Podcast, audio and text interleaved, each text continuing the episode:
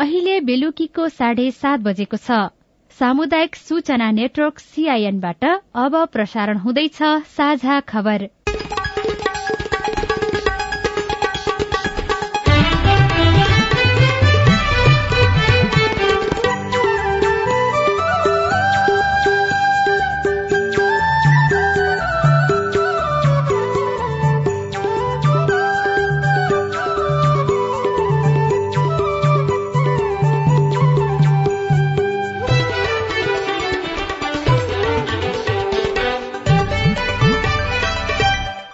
सीआईएनको साझा खबरबाट दीपक आचार्यको नमस्कार। साझा खबर देशभरिका सामुदायिक रेडियो सीआईएन खबर डट कम र मोबाइल एप सीआईएनमा पनि सुन्न सकिन्छ।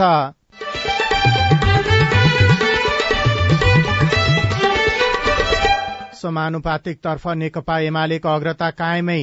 प्रतिनिधि सभा प्रत्यक्षतर्फ नेपाली कांग्रेस बत्तीस र एमाले बीस स्थानमा निर्वाचित। चार दिनभित्रमा प्रत्यक्षतर्फको मतगणना सकिने निर्वाचन आयोगको दावी। त्यही जुन आयोगले सात आठ दिनभित्र सक्ने भनेकोमा त्यो समयभित्र सकिने अहिलेसम्मको पनि हाम्रो पूर्वानुमान छ। मिलेर अघि बढ्न प्रचण्डसँग एमाले अध्यक्ष ओलीको प्रस्ताव सरकार निर्माणमा बहस शुरू अस्थिरता कायम रहने विश्लेषकहरूको चिन्ता। मैले देखेको आउने जुन समय छ यो परिणामपछि उनीहरूको गठबन्धन यथावतै रहन्छ वा रहँदैन। यसमा भोलिको राजनीतिक कोर्स निर्भर गर्छ। काठमाडौँ विश्वको तेह्रौं प्रदूषित शहरको सूचीमा जथाभावी एन्टिबायोटिक प्रयोगबाट हरेक वर्ष विश्वमा एक करोड़ सत्ताइस लाख मानिसको मृत्यु सावधानी अप्नाउन चिकित्सकको सुझाव? कुन चाहिँ एन्टिबायोटिकले राम्रोसँग काम गर्छ भनेर ल्याब जाँच गर्नुपर्ने हुन्छ अनि त्यसपछि बल्ल एन्टिबायोटिक प्रयोग गर्नुपर्ने हुन्छ। र विश्वकप फुटबलमा स्विजरल्याण्डको विजयी शुरूआत आज राति ब्राजिल र सर्बिया खेल्दै।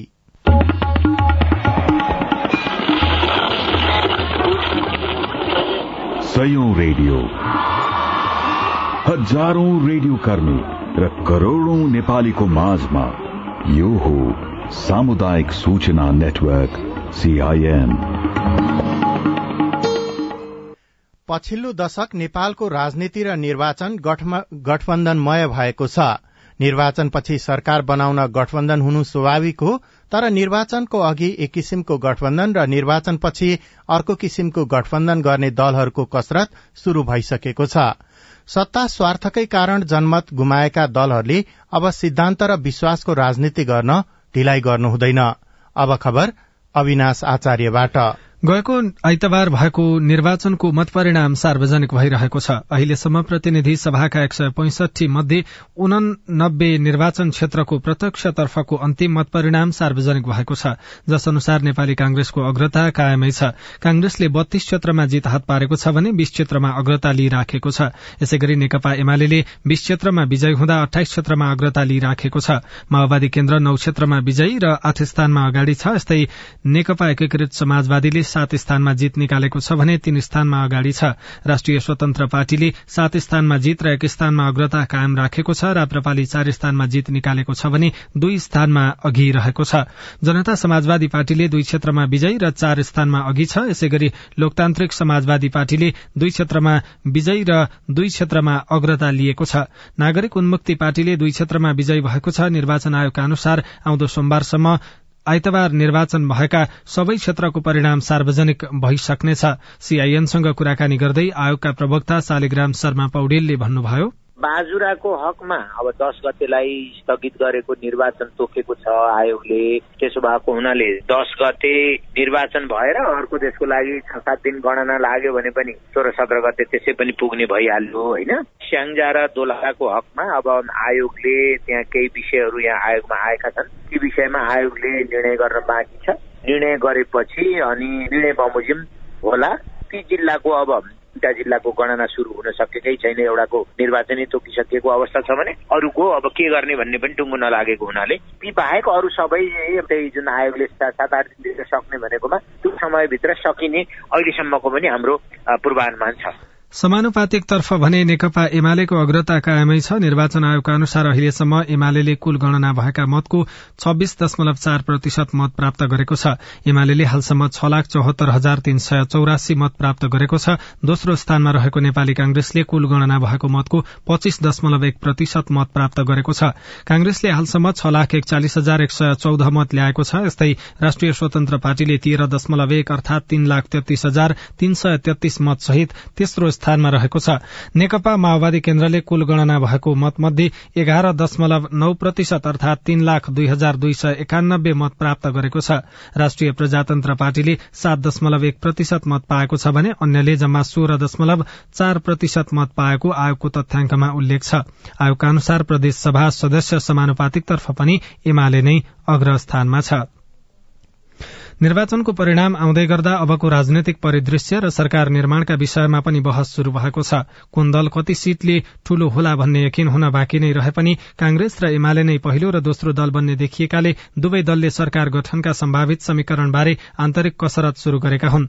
माओवादी नेकपा एकीकृत समाजवादी राष्ट्रिय जनमोर्चा र लोकतान्त्रिक समाजवादी पार्टी बीच निर्वाचनमा गठबन्धन भए पनि निर्वाचन परिणाम आइसक्दा यी दलको गठबन्धन कायम रहिरहला वा नरहला भन्ने संशय बढ़ेको छ।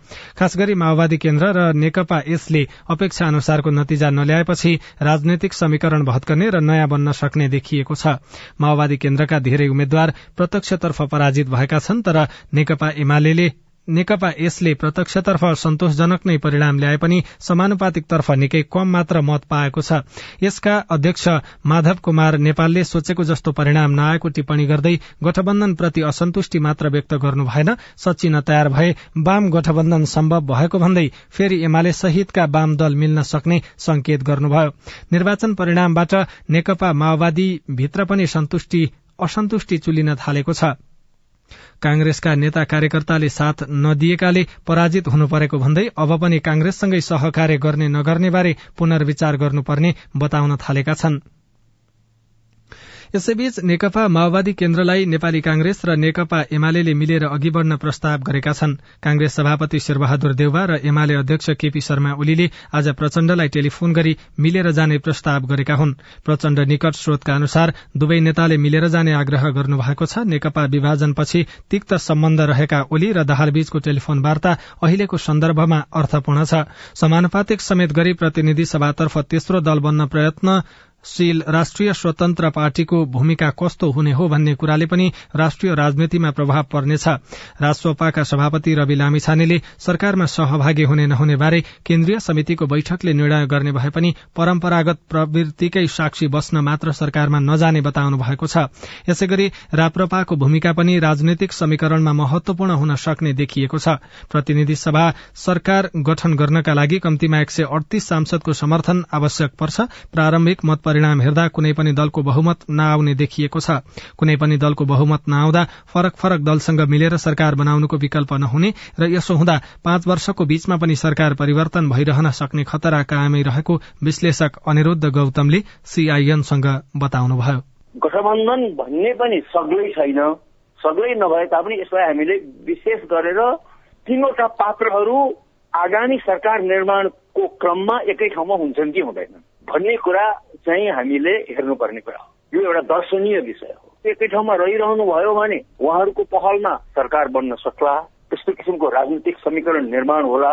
मैले देखेको आउने जुन समय छ यो परिणाम पछि उनीहरूको गठबन्धन यथावतै रहन्छ वा रहँदैन। यसमा भोलिको राजनीतिक कोर्स निर्भर गर्छ। सरकार बनाउने क्रममा र सरकार बनाइसकेपछि यसलाई सञ्चालन गर्ने क्रममा हिजोको जतिको स्थिरता पनि अत्यन्तै गाह्रो छ। त्यसको लागि साह्रै नै गतिलो नेतृत्वको आवश्यकता पर्छ। प्रतिनिधि सभातर्फ अहिलेसम्म पाँचजना मात्रै महिला निर्वाचित भएका छन्। यो संख्या अहिलेसम्म निर्वाचित सांसदको करिब छ प्रतिशत मात्रै हो। प्रतिनिधि सभातर्फ एकसठी राजनैतिक दल स्वतन्त्रबाट कुल दुई सय पच्चीस महिलाले उम्मेद्वारी दिएकोमा हालसम्म पाँच स्थानमा मात्रै महिला निर्वाचित भएका हुन्। निर्वाचन आयोगको अध्यावधिक विवरण अनुसार प्रदेश सभातर्फ पनि हालसम्म पाँचजना महिला निर्वाचित भएका छन्। प्रदेश सभातर्फ यो समाचार तयार पार्दासम्म एक सय एकानब्बे क्षेत्रको अन्तिम नतिजा आएको छ। एन्टीबायोटिक्स सचेतना अर्थात विश्व प्रति जैविक प्रतिरोध जनचेतना सप्ताह विश्वभर मनाइँदैछ। सबै क्षेत्र जुटौं प्रति जैविक प्रतिरोध रोकथाम गरौं भन्ने नाराका साथ यो सप्ताह नेपालमा पनि मनाइँदैछ। विश्व स्वास्थ्य संगठनले प्रत्येक वर्ष नोभेम्बर अठारदेखि चौविससम्म यो सप्ताह मनाउने घोषणा गरेको छ। संगठनका अनुसार जथाभावी एन्टिबायोटिक्स खानाले वर्षेनी विश्वभर झण्डै एक करोड़ बीस लाख भन्दा बढ़ी मानिसको मृत्यु हुने गरेको छ। एन्टिबायोटिक्सको अनावश्यक र गलत सेवन गर्दा मानिसको मृत्यु समेत हुने भएकाले सचेतना चेतना फैलाउन यो सप्ताह मनाउने गरिन्छ। एन्टिबायोटिक्स के हो भनेर साथी स्नेहा कर्णले जनस्वास्थ्य विज्ञ विनोद रेग्मीसँग सोध्नु भएको छ। भाइरसबाट भएको इन्फेक्सनहरूलाई औषधि प्रयोग नगरिकन जीवाणुहरूको असरहरूलाई न्यूनीकरण गर्न चाहिँ हामीले विशेष गरी एन्टिबायोटिक्सहरू प्रयोग गर्ने हो। र त्यसले निकाल्ने टक्सिनहरूको त्यसको प्रतिरोध गर्ने औषधिहरू नै एन्टिबायोटिक्स हो अथवा प्रति जीवाणु औषधि भनेर हामीले बुझ्न सकिन्छ एन्टिबायोटिकलाई बुझ्दाखेरि चाहिँ। एन्टिबायोटिक्स हामीले जथाभावी सेवन गर्यौं भने त्यसले हाम्रो शरीरलाई या हाम्रो स्वास्थ्यलाई पनि नकारात्मक असर गर्छ होला।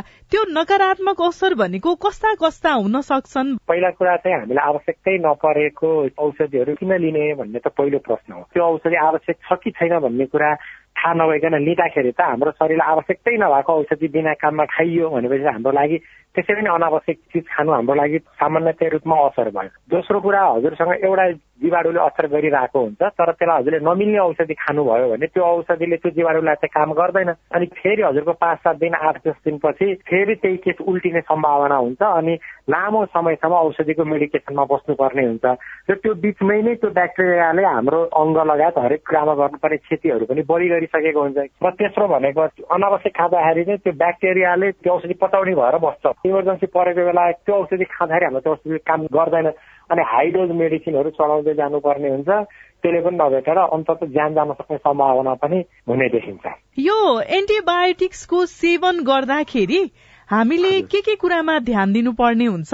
केले इन्फेक्सन भएको हो भन्ने कुरा प्रथम कुरा ध्यान दिनु पर्यो र भाइरसले भएको इन्फेक्सन हो कि अथवा विषाणुले भएको कि अथवा जीवाणुले भएको हो भन्ने कुरामा ध्यान दिनु पर्यो र जीवाणुले भएको इन्फेक्सन हो भने धेरै प्रकृतिका जीवाणुहरू हुन्छन्। अनि सबै जीवाणुको लागि एउटै एन्टिबायोटिक्सले काम चाहिँ गर्दैन। किन हामीसँग त धेरै अनिगिन्ती एन्टिबायोटिक्सहरू छन्। त्यसकारण कुन चाहिँ जीवाणुको लागि कुन चाहिँ एन्टिबायोटिकले राम्रोसँग काम गर्छ भनेर ल्याब जाँच गर्नुपर्ने हुन्छ अनि त्यसपछि बल्ल एन्टिबायोटिक प्रयोग गर्नुपर्ने हुन्छ। डक्टरको सल्लाहमा स्वास्थ्य कर्मीको सल्लाहमा गर्नुपर्ने ल्याब टेस्ट अथवा अरू डायग्नोसिसहरू गरेर एन्टिबायोटिक प्रयोग गर्ने कि नगर्ने भन्ने कुराको निचोड गरेर एन्टिबायोटिक प्रयोग गर्नुपर्ने हुन्छ। साझा खबरमा अब विदेशको खबर मलेसियामा वरिष्ठ विपक्षी नेता अनवर इब्राहिमले देशको नयाँ प्रधानमन्त्रीका रूपमा शपथ ग्रहण गर्नुभएको छ। अनवर इब्राहिमलाई मलेसियाका दशौं प्रधानमन्त्रीको रूपमा राजा सुल्तान अब्दुल्लाहले आज शपथ ग्रहण गराउनु भएको हो। र अन्त्यमा खेल खबर। विश्वकप फुटबल विशेष। विश्वकप फुटबलमा स्विजरल्याण्डले विजय शुरूआत गरेको छ। कतारको अल जानोब रंगशालामा भएको आजको खेलमा स्विजरल्याण्डले क्यामरूनलाई एक शून्यले हराएको हो। स्विजरल्याण्डको जितमा ब्रिल एम्बोबले गोल गर्नुभयो। विश्वकप फुटबलमा अहिले उरुग्वे र दक्षिण कोरिया खेलिरहेका छन्। खेलको पहिलो हाफ चल्दै गर्दा दुवै टोलीले गोल गर्न सकेका छैनन्। विश्वकपमा आजै पोर्चुगल र घाना खेल्नेछन् समूह एचको यो खेल राति पाउने दस बजे शुरू हुनेछ। क्रिस्टियानो रोनाल्डोको कप्तानीमा विश्वकप जित्ने लक्ष्य सहित कतार पुगेको पोर्चुगल को टोली घानालाई हराउँदै सुखद शुरूआत गर्न चाहन्छ। आफू आबद्ध क्लब म्यान्चेस्टर युनाइटेडसँगको झमेलाका कारण रोनाल्डोले विश्वकपमा कस्तो प्रदर्शन गर्ने हुन् भन्ने कुरा चासोका साथ हेरिएको छ। यी दुई देशबीच अहिलेसम्म एकपटक मात्र खेल भएको छ। आठ वर्ष अघि भएको खेलमा पोर्चुगल दुई एकले विजय भएको थियो। प्रतियोगितामा आजै मध्यराती ब्राजिल र सर्बिया खेल्नेछन्। यो खेल राति पाउने एक बजे शुरू हुनेछ। पाँच पटकको विश्वकप विजेता भए पनि ब्राजिलले बीस वर्ष यता विश्वकप जित्न सकेको छैन। यसअघि सर्बियासँग भएका दुईवटा खेलमा ब्राजिल दुवै खेलमा विजयी भएको छ। अघिल्लो विश्वकपमा ब्राजिलले सर्बियालाई दुई शून्यले हराएको थियो। अविनाश आचार्य।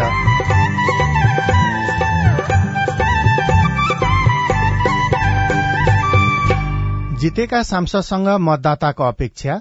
जितेर जानुभएको नेताहरूले जनताको लागि रोजगार र कृषि अनि हाम्रो गाउँघरमा विभिन्न प्रकारको जडीबुटी छ त्यसमा रोजगारी दिलाइदिने नीति निर्माण र विकासमा जोड़। रिपोर्टसँगै राष्ट्रियता र सुशासन बारेमा नवनिर्वाचित सांसदहरूको योजना संवाद श्रृंखला हेलो सांसद पनि बाँकी नै छ।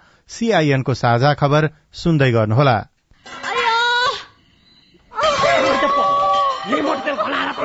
जिउँदै जलाएर मार्छु ए बुढा बुढा लौन नि माइलाले त मार्ने त माइलीलाई। मटी त पो खनाउँदैछ त। लौन नि। झट्टै पुलिस बोलाइदिनु त। हो त पुलिसलाई खबर नगरी भएन। यसले त अति नै गर्न लाग्यो। एक शून्य शून्य। Hello police station? न तपाईँहरू झट्टै यो जिल्ला अस्पताल लिएर आइदिनु पर्यो। तपाईँहरू जस्तो असल छिमेकीलाई चाहिँ धेरै धन्यवाद है। हामीलाई बेलैमा खबर गरिदिनु भएर थप अप्रिय घटना हुन पाएन। यसरी अग्निजन्य हिंसा महिला हिंसा गर्नेलाई त कानून बमोजिम दण्ड सजाय हुन्छ। ल यसलाई लिएर हिँड्नुहोस् त। सावधान। पेट्रोल मट्टीतेल जस्ता ज्वलनशील पदार्थ लगायत तेजाब करेन्ट आदिले जलाई ज्यान मार्ने अङ्गभङ्ग गर्ने शारीरिक क्षति पुर्याउने जस्ता आपराधिक कार्य गर्नेलाई प्रचलित कानून अनुसार कडा भन्दा कडा सजाय तथा जरिवानादेखि जन्म कैदसम्म हुने व्यवस्था छ। त्यस्ता कार्य नगरौं नगराउ। अग्निजन्य हिंसा भएमा उजुरी गर्न प्रहरीको नम्बर एक शून्य शून्यमा र अन्य आवश्यक सहयोगको लागि बीबीएस नेपालको फोन नम्बर शून्य एक चौन्न पचपन्न छ आठ नौमा सम्पर्क गर्नुहोला। अग्निजन्य हिंसा विरूद्धको अभियानमा एक्सन एड नेपाल र बीभीएस नेपालद्वारा जनहितमा जारी सन्देश। सामाजिक रूपान्तरणका लागि यो हो सामुदायिक सूचना नेटवर्क सीआईएन तपाई सामुदायिक सूचना नेटवर्क सीआईएनले काठमाडौँमा तयार पारेको साझा खबर सुन्दै हुनुहुन्छ। अब बाँकी खबर। काठमाडौँ विश्वको तेह्रौं प्रदूषित शहरमा परेको छ। काठमाडौँको वायु प्रदूषण विश्व स्वास्थ्य संगठनको मापदण्ड भन्दा तीन गुणा बढ़ी रहेको वातावरण मापन केन्द्रले जनाएको छ। स्विजरल्याण्डमा रहेको केन्द्रका अनुसार अहिले काठमाडौँको वायु प्रदूषण एक सय सड़तिस एयर क्वालिटी इण्डेक्स अर्थात क्यूआई रहेको जनाइएको छ जबकि डब्ल्यूएचओले क्यूआईको मात्रा शून्यदेखि पचाससम्म मात्र हुनुपर्ने बताएको छ। प्रतिनिधि सभा र प्रदेश सभा निर्वाचनको मतपरिणाम आउने क्रम चलिरहेको छ। केही क्षेत्रबाट नयाँ र केही क्षेत्रबाट पुरानै उम्मेद्वार विजयी भएका छन्। नयाँ पुराना जोसुकै विजेता भएको भए पनि नागरिकले भने आफ्नो ठाउँको विकास र समृद्धि चाहेका छन्। जाजरकोटका नागरिक पनि आफूले जिताएर पठाएका सांसदले आफ्नो क्षेत्रको विकासको लागि भूमिका खेल्दुन् भनिरहेका छनृ। जाजरकोटमा प्रतिनिधि सभातर्फ सत्ता पक्ष गठबन्धनका उम्मेद्वार शक्ति बस्नेत विजय हुनुभएको छ। उहाँ जाजरकोटबाट सांसद पद जित्नु भएको यो तीन पटक हो।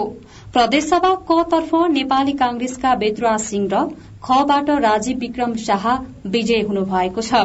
प्रदेश र प्रतिनिधि सभामा जित्नेहरूबाट नागरिकले विकास र समृद्धिको चाहना राखेका छन्। नलगाड नगरपालिका छका साबित्रा ओली जितेर जानुभएको नेताहरूले जनताको लागि रोजगार र कृषि अनि हाम्रो गाउँघरमा विभिन्न प्रकारको जडीबुटी छ त्यसमा रोजगारी सिर्जना दिलाइदिने। मानव विकास सूचाङ्कमा पछाडि रहेको जाजरकोट प्राकृतिक सुन्दरता र पर्यटनको सम्भावना भएको जिल्ला हो। यस्तै जाजरकोटमा जडीबुटी सम्भावना प्रचुर छ। फलाम खानी धार्मिक पर्यटन पनि जाजरकोटको सम्भावना हो। प्राप्त स्रोत साधनको उपयोग गर्दै रोजगारी वृद्धि र जिल्लाको पहिचान फैलाउनमा सांसदहरूले काम गर्नुपर्नेमा नागरिकको जोड रहेको छ। मेरो नाम पुष्पराज ओली दरबार छ त्यसै बायोघट्ट लगायतका सांस्कृतिक सम्पदालाई पनि विशेष रूपले जोड दिनुभयो भने उहाँहरूले जाजरकोट जिल्ला अवश्य नै नमुना बन्नेछ नमस्ते म प्रेम विश्वकर्मा। मेरो घर भेरी नगरपालिका वडा नम्बर एक जाजरकोटमा पर्छ। अहिले जित्नुभएका जनप्रतिनिधिहरूमा चाहिँ धेरै आशा छ। जनता जनताहरूले धेरै आशा गर्नुभएको छ। उहाँहरूले चाहिँ कम्तीमा पनि शिक्षाको क्षेत्रमा स्वास्थ्यको क्षेत्रमा अझ अहिले चाहिँ गरिबीले पिल्सिनु पर्ने अवस्था छ। रोजगारीको सिर्जना कम्तीमा पनि त्यो खालको नीति चाहिँ निर्माण गरिदिने विभिन्न पालिकाहरूमा चाहिँ यातायात पुग्न सकिरहेको छैन। सम्पूर्ण पालिकाको ठाउँहरूमा अझ रोडहरूको एक्सेस छैन। त्यसमा पनि बर्खे रोडहरू छ। त्यसमा पनि ध्यान दिनुपर्छ भन्ने लाग्छ। जाजरकोटका ग्रामीण भेगहरूमा सड़क पुगेको छैन। संचार र अन्य आधारभूत सेवाबाट समेत जाजरकोटका नागरिक वञ्चित भएका छन्। यस्तो अवस्था रोक्नको लागि अब निर्वाचित सांसदहरूले स्थानीय सरकारसँग पनि समन्वय गरेर काम गर्नुपर्नेमा जोड़ दिनुहुन्छ। कुसे गाउँपालिका छका भीम बहादुर परियार। नेताजीहरू जितेर एउटा सहर केन्द्रित होइन गाउँमा आएर जनताका पीड़ा समस्याहरू बुझ्नुपर्छ। यहाँका बहुसंख्यक पढे लेखेका युवाहरू पनि खाडीमा गएर पसिना बगाउनु पर्ने अवस्था जसरी आएको छ। जाजरकोटमा समानुपातिको मत गणनाको काम भने चलिरहेको छ। Tika Bishwakarma CIN radio Nalgad FM Jajarkot. साझा खबरमा अब हेलो सीआईएन उषा तामाङबाट। रामेछापको सुनापति गाउँपालिकाका कुमार तामाङले नागरिकता र राहदानीमा जन्ममिति फरक परेकाले सच्याउन मिल्छ कि मिल्दैन भनी सोध्नु भएको छ। कुमारजी तपाईँको यो प्रश्न हामीले राहदानी विभागका प्रवक्ता दुरापदा सापकोटालाई सुनाएका छौं। त्यस्तो परेको केसमा नागरिकता र शैक्षिक योग्यतामा फरक फरक छ भने चाहिँ हामी शैक्षिक योग्यताको प्रमाणपत्रलाई पनि कन्सिडर गर्छौँ जन्ममितिलाई पनि होइन? कहिलेकाहीँ चाहिँ पहिला पासपोर्टमा एक थरी जन्ममिति बनायो भने कसैले बनाउँछ नि त केही सानोतिनो मिस्टेक भनेको एक दुई दिनको त्यस्तो फरक परेको छ भने त्यो पासपोर्टमा कोही विदेश हिँडिसक्नु भएको छ भने चाहिँ त्यो पुरानो पासपोर्ट अनुसार पनि हामीले बनाइदिन सक्छौँ तर त्यो कन्डिसन हेरेर हुन्छ त्यो चाहिँ। अर्को प्रश्न पनि राहदानीसँगै सम्बन्धित छ। म रोल्पा गुवाले पाँचबाट नितिन लाल हुन्। मेरो पासपोर्ट एक्सपायर हुन एक वर्ष बाँकी छ। मैले नयाँ पासपोर्ट लिन पाउँछु कि पाउँदैन? यो प्रश्नको जवाफ पनि हामीले विभागका प्रवक्ता सापकोटाबाटै लिएका छौं। पासपोर्ट ऐन नियम अनुसार चाहिँ जसको एक वर्ष भन्दा कम म्याच छ एक वर्ष र एक वर्ष भन्दा कम उहाँले चाहिँ रिन्यू गर्न पाउनुहुन्छ। तर एक वर्ष भन्दा बढी छ भने चाहिँ नवीकरण गर्न मिल्दैन। म बजाङ भित्तरचिरबाट धनबहादुर बुहारा। म स्वयंसेवक शिक्षक। प्रत्येक पालिकामा चाहिँ अब स्वयंसेवक शिक्षकहरू छन्। र ती शिक्षकहरूलाई दैनिक पारिश्रमिक बराबर चाहिँ तलब हुनुपर्छ कि पर्दैन? स्कुलमा चाहिँ शिक्षक चाहिन्छ कि चाहिँदैन भन्ने गुनासो मेरो। धन्यवाद म शिक्षा अधिकृत बित्तरचिर गाउँपालिका नरबा धामी। दुई हजार चौहत्तर पचहत्तर सालदेखि चाहिँ यहाँ स्वयंसेवक शिक्षकको नाममा चाहिँ बित्तरचिर गाउँपालिकामा विद्यालयहरूमा नियुक्ति गरेको रहेछ। तर कुनै शिक्षा ऐन तथा चाहिँ नियमहरू चाहिँ नबनाएको कारणले गर्दाखेरि हामीले चाहिँ तलब दिन अलि समस्या भएकोले हामी शिक्षा ऐन तथा नियमहरू बनाइरहेका छौँ र त्यसमा चाहिँ कार्यविधिहरू बनाएर चाहिँ कसरी व्यवस्थापन गर्ने भनेर लगभग फाइनल अवस्थामा छ त्यसलाई चाहिँ व्यवस्थित गर्ने हामी प्रक्रियामा छ। तपाई जुनसुकै बेला हाम्रो आइभीआर नम्बर शून्य एक बान्न साठी छ चार छमा फोन गरेर आफ्नो विचार गुनासो प्रश्न तथा प्रतिक्रिया रेकर्ड गर्न सक्नुहुनेछ। तपाई सामुदायिक सूचना नेटवर्क सीआईएनले काठमाण्डुमा तयार पारेको साझा खबर सुन्दै हुनुहुन्छ। साझा खबर मोबाइल एप नेपाली पात्रोबाट पनि सुनिरहनु भएको छ। राष्ट्रियता र सुशासन बारे नवनिर्वाचित सांसदहरूको योजना। पूर्वाधारतर्फको कामहरूलाई गुणस्तरीय गराउने कुरामा चाहिँ मेरो जोर रहनेछ भोट नहाल्ने मलाई नपरेका साथीहरूलाई पनि मैले कसरी भोट दिनेछु भन्ने बनाउने मेरो चाहना छ। संवाद श्रृंखला हेलो सांसद बाँकी नै छ। सीआईएनको साझा खबर सुन्दै गर्नुहोला।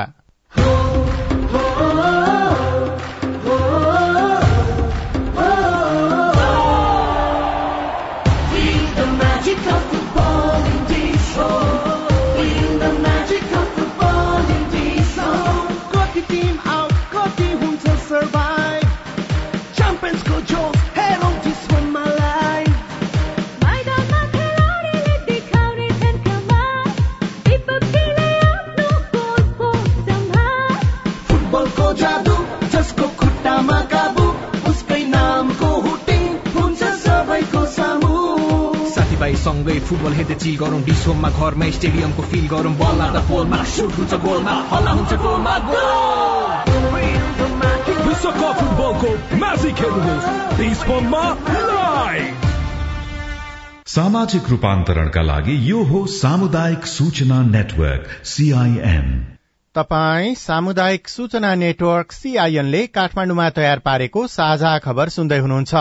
अब प्रस्तुत छ संवाद श्रृंखला हेलो सांसद नमस्कार। संवाद श्रृंखला हेलो सांसदमा तपाईँलाई हार्दिक स्वागत छ। म लील प्रकाश चन्द। आजको संवाद श्रृंखला हेलो सांसदमा हामी निर्वाचित भएका सांसदको आगामी योजनाको बारेमा छलफल गर्दैछौ। यही मंगिर चारमा भएको प्रदेश र प्रतिनिधि सभाको निर्वाचनको नतिजा आउने क्रम चलिरहेको छ। निर्वाचनको क्रममा रोल्पा प्रदेश खमा भने स्वतन्त्र उम्मेद्वारी दिनुभएका दिपेन्द्र पुन विजयी हुनुभयो। उहाँले विकास निर्माण र सुशासनका लागि बनाएका योजनाका बारेमा कुरा गर्दै सीआईएनसँग भन्नुभयो। वस्तुगत रूपले मैले टिकट र गठबन्धनको नाममा चाहिँ त्यो सम्भव भएन। नभएपछि चाहिँ सबै साथीहरूको अब अनुरोध साथ सल्लाहमा चाहिँ मैले स्वतन्त्र उम्मेद्वार दिएँ त्यसको परिणाम स्वरूप मैले अत्यधिक बहुमतका साथै विजय भएको छु। माओवादी केन्द्रले गठबन्धन गरेको थियो नेपाली कांग्रेससँग त्यस कारणले कार्यवाही गर्यो तपाईँलाई र फेरि अब तपाईँ फर्केर पार्टीमै जानुहुन्छ भन्ने पनि कतिपय छ कतिपयले तपाईँ जानुहुन्न भन्ने छ। तपाईँको विचार के छ यसमा? स्वतन्त्र नागरिक हैसियतमा छु। मलाई चाहिँ मेरो त्यतिखेरको पार्टीले के गर्छ जुन रवैया अप्नायो जबरजस्ती कोचिन जाने अनि त्यहाँ जाने कुरो भएन। त्यो पार्टीको रवैया के रहन्छ अथवा कस्तो नीति अवलम्बन गर्छ त्यसको आधारमा चाहिँ मैले सोच्नु पर्ला। मतदाताको लागि तपाईँ के गर्नुहुन्छ? मतदाताको निम्ति दुईवटा काम हुन्छ। एउटा चाहिँ सफ्टवेयरको काम एउटा हार्डवेयरको काम होइन? अब शिक्षा स्वास्थ्यका कामहरू चाहिँ मानव संसाधनको कामहरूलाई मैले म्याक्सिमम जोड दिएर जान्छु। अर्को पूर्वाधार तर्फको कामहरूलाई अब आधारभूत रूपले यहाँ सम्पन्न भएका छन् त्यसलाई चाहिँ गुणस्तरीय गराउने कुरामा चाहिँ मेरो रहने छ तपाईँले अब उठाउने एजेन्डा अथवा संसदमा गएर यो चाहिँ काम गर्छु भन्ने केही लागिराखेको छ कि छैन? ठ्याक्कै चाहिँ सङ्घ प्रदेश स्थानीय तहमा थुप्रै चाहिँ विकास निर्माण गर्ने निम्ति केन्द्रहरू हुने गर्छन्। रोल्पा जिल्लाको एउटा क्रोनिक प्रोजेक्ट रूपमा चाहिँ अथवा निर्माण व्यवसायले काम लिँदिने अनि त्यो अनुरूपको काम गरिदिने। समयमै काम सम्पन्न गराउने यो मेन अभियान हुन्छ। ओखलढुङ्गाबाट नेपाली कांग्रेसका रामहरि खतिवडा र भक्तपुर क्षेत्र नम्बर एकबाट नेपाल मजदूर किसान पार्टीका प्रेम सुवाल निर्वाचित हुनुभएको छ। शुरूमा हामीले सांसद खतिवडासँग कुराकानी गरेका छौं। पालिका पालिकामा जान्छु सबै मतदातासँग भेट्छु भन्नुभयो तर मतदाताहरू चाहिँ एकपटक चुनावको बेलामा देखिन्छन् त्यसपछि फर्केर आउँदैनन् भन्छन् नि त। अरूलाई सोध्नु होला म योभन्दा अगाडि जित्न सकिनँ। तर म सबभन्दा बढी गाउँमा बस्ने र गाउँका जनतालाई भेट्ने सांसद थिएँ। त्यही भएर अहिले खसेको मतको झन्डै उन्साठी पर्सेन्ट मत यहाँ खसेको छ र त्यो मतले म विजय प्राप्त गरेको छु। संसदीय राजनीतिलाई विकृत बनाउने जुन अवस्था छ नि यो कम होस् भन्ने हाम्रो चाहना छ। धेरै युवा साथीहरू निर्वाचित भएर आउनु भएको छ। म सबैसँग सहकार्य गरेर अब यसमा चाहिँ जाति र पार्टी भन्दा माथि उठेर म एउटा मात्र पार्टीको नभएर सम्पूर्ण देशको र जनताको प्रतिनिधिको रूपमा काम गर्नेछु। नेपाली कांग्रेसले तपाईँलाई कुनै हुइप लगायो भने त फेरि संसदमा गए पनि सांसदहरू त फेरि निरीह जस्तै देखिने त हो। नि तपाईँले कसरी यो काम गर्न सक्नुहुन्छ? सबै कुरामा हुने हुइप हुँदैन। म वाक स्वतन्त्रको पक्षपाती हुँ र राजनीति स्थिरताको पक्षमा लाग्नुपर्छ भन्ने मान्छे हुँ। कतिपय हाम्रै सरकार हुँदा संसदमा मन्त्रीहरू उपस्थित नहुँदा मैले संसद चल्न दिएको थिइनँ। यो समसामयिक विषयमा र मैले फेरि पनि भने जाति र पार्टी भन्दा माथि उठेर नेसनको बारेमा सोच्नुपर्छ। निकटतम प्रतिस्पर्धी हुनुहुन्थ्यो एघेरा सुनवार। अब उहाँका पनि केही सपना थिए होलान् त्यो गाउँको त्यो ठाउँको एउटा समृद्धिको लागि। उहाँका ती सपनाहरूलाई सँगै लिएर अगाडि बढ्ने हो कि अथवा व्यवस्था गरेर नै अगाडि बढ्ने एउटा सांसदको रूपमा? मैले हिजै उहाँले मलाई माला लगाइदिनु भयो अघिल्लोचोटि मैले माला लगाएको थिएँ त्यही भएर आउनुहोस् भने मैले भने आउनुभयो। मलाई पनि माला लगाइदिनु भयो। मैले भने पाँच वर्षसम्म तपाईँले मलाई जित्नका लागि गरेको मेहनतप्रति म आभारी छु भनेर उहाँलाई भने पनि उहाँहरूको म ओखलढुङ्गामा नेपाली काङ्ग्रेसको मात्र सांसद भएर काम गर्दिनँ। भोट नहाल्ने मलाई नपरेका साथीहरूलाई पनि मैले कसरी भोट दिनेछु भन्ने बनाउने मेरो चाहना छ। ठिक मान्छेलाई चुन्यौँ भन्ने वातावरण सिर्जना होस् उहाँको पनि साथ लिएर म अगाडि जान्छु। हामीसँग अहिले प्रेम सुवाल हुनुहुन्छ उहाँ भक्तपुरबाट निर्वाचित हुनुभएको हो। नयाँ व्यक्तिको नयाँ पार्टीको विषय पनि आयो। तपाईँले कसरी लिनुभयो यसलाई? विदेशी प्रभाव र हस्तक्षेप चाहिँ हामीले रोक्नुपर्छ। यसमा सबै पार्टीहरू लाग्नुपर्छ। नेपालको प्राकृतिक स्रोत साधन नेपालीकै लागि उपयोग गर्नेतर्फ लाग्नुपर्छ नयाँ व्यक्ति र नयाँ शक्ति संसदमा जाँदाखेरि यो तपाईँले जुन उठाइराखेको विषयमा अझ केही बल पुग्छ सजिलो हुन्छ? त्यो त सबैको जिम्मेवारी नै यही हो। राजनीतिक दलले त देश र जनताको चिन्ता लिनु पर्यो नि। यही विषयलाई हामीले अगाडि बढाउन सक्यौँ भने राम्रो हुन्छ। जस्तो सिंहदरबार अहिले भ्रष्टाचारको अखडा छ। अस्ति एकजना सचिवले भन्नुभयो सिंहदरबार त भ्रष्टाचारको अखडा रहेछ म त जागिर छोडेर हिजोन जस्तो लाग्यो त्यसकारण ठुल्ठुला भ्रष्टाचारीहरूलाई मृत्युदण्ड दिने कानून बनाउनु पर्छ कृषि प्रधान देश समयमा मल नपाउने किसानले मल रोपाइमा अस्ति पाएन अहिले पनि छैन। एउटा मल कारखाना खोल्नु पर्यो र खाद्यान्नमा आत्मनिर्भर बनाएर अब खाद्यान्न चाहिँ विदेशलाई बेच्ने हो नेपालले। त्यति भूमि हाम्रो छ सबै बाँझो छ। त्यो गर्न पाइएन। त्यसका त्यस्ता विषयहरू संसदमा हामीले उठाउने हो। दस वर्ष अगाडि तेह्र लाख विद्यार्थी एक कक्षामा भर्ना भएका थिए। अहिले यसले दिँदाखेरि पाँच लाख बाँकी भयो। हामीले शिक्षा मन्त्रीलाई सोध्यौँ खोइ आठ लाख? एक कक्षामा भर्ना भएका तेह्र लाख एससीमा पाँच लाख मात्र किन भनेर सोध्यौँ। शिक्षा मन्त्रीले थाहा छैन यस्ता विषयहरू हामीले संसदमा फेरि पनि उठाउनेछौँ संख्या सिट संख्या कति आउँछ अहिले त यसै नभनौ तर तपाईँहरू चाहिँ अल्पमतमा पर्दाखेरि कुरा उठाउने मात्रै सुनवाई चाहिँ नहुने समस्याको समाधान के हो संसदमा? तपाईँको सिआइएन कति महत्वपूर्ण छ? तपाईँभन्दा अर्को एफएमले के भन्छ? यो सिआइएन के चल्छ यसले? भन्ला तर तपाईँले छोड्नुहुन्न नि त्यसकै हामी जतिसुकै संख्या होस् त्यो धेरै संख्या हुनेले देशलाई के गर्यो? बिस खर्बको व्यापार खाता बिस खर्बको ऋण बोकायो। त्यसकारण अरू जतिसुकै संख्या होस् सिआइएनले देश र जनतालाई सुसूचित गर्नुभयो भने अरू जतिसुकै ठुलो मिडिया होस् तर तपाईँ नै राम्रो भन्ने तपाईँलाई लाग्छ हामी पनि त्यही हो कि? संवाद श्रृंखला हेलो सांसदको विस्तृत छलफल। भोलि बिहान साढे छ बजेको कार्यक्रम हेलो सांसदमा प्रसारण हुनेछ। सुन्ने प्रयास गर्नुहोला। निर्वाचनको मत परिणाममा प्रत्यक्षतर्फ नेपाली कांग्रेसको अग्रता कायमै रहेको छ। कांग्रेसले बत्तीस क्षेत्रमा जीत हात पारेको छ भने बीस क्षेत्रमा अग्रता लिएको छ। त्यसै गरी नेकपा एमाले बीस क्षेत्रमा विजय हुँदा अठाइस क्षेत्रमा अग्रता लिएको छ। समानुपातिक तर्फ नेकपा एमालेको अग्रता कायमै रहेको छ। निर्वाचनको परिणाम आउँदै गर्दा सरकार निर्माणका विषयमा पनि दलहरूले बहस शुरू गरेका छन्। नेकपा माओवादी केन्द्रलाई नेपाली कांग्रेस र नेकपा एमाले मिलेर अघि बढ़न प्रस्ताव गरेको छ। काठमाडौँ विश्वको तेह्रौं प्रदूषित शहरको सूचीमा परेको छ र विश्वकप फुटबलमा स्विजरल्याण्डले विजयी शुरूआत गरेको छ। अवस्था आजलाई साझा खबरको समय सकियो। प्राविधिक साथी सुरेन्द्र सिंहलाई धन्यवाद। भोलि मक्से नौ गते बिहान छ बजेको साझा खबरमा फेरि भेटौँला। अहिलेलाई दीपक आचार्य पनि विदा हुन्छु। नमस्कार शुभरात्री।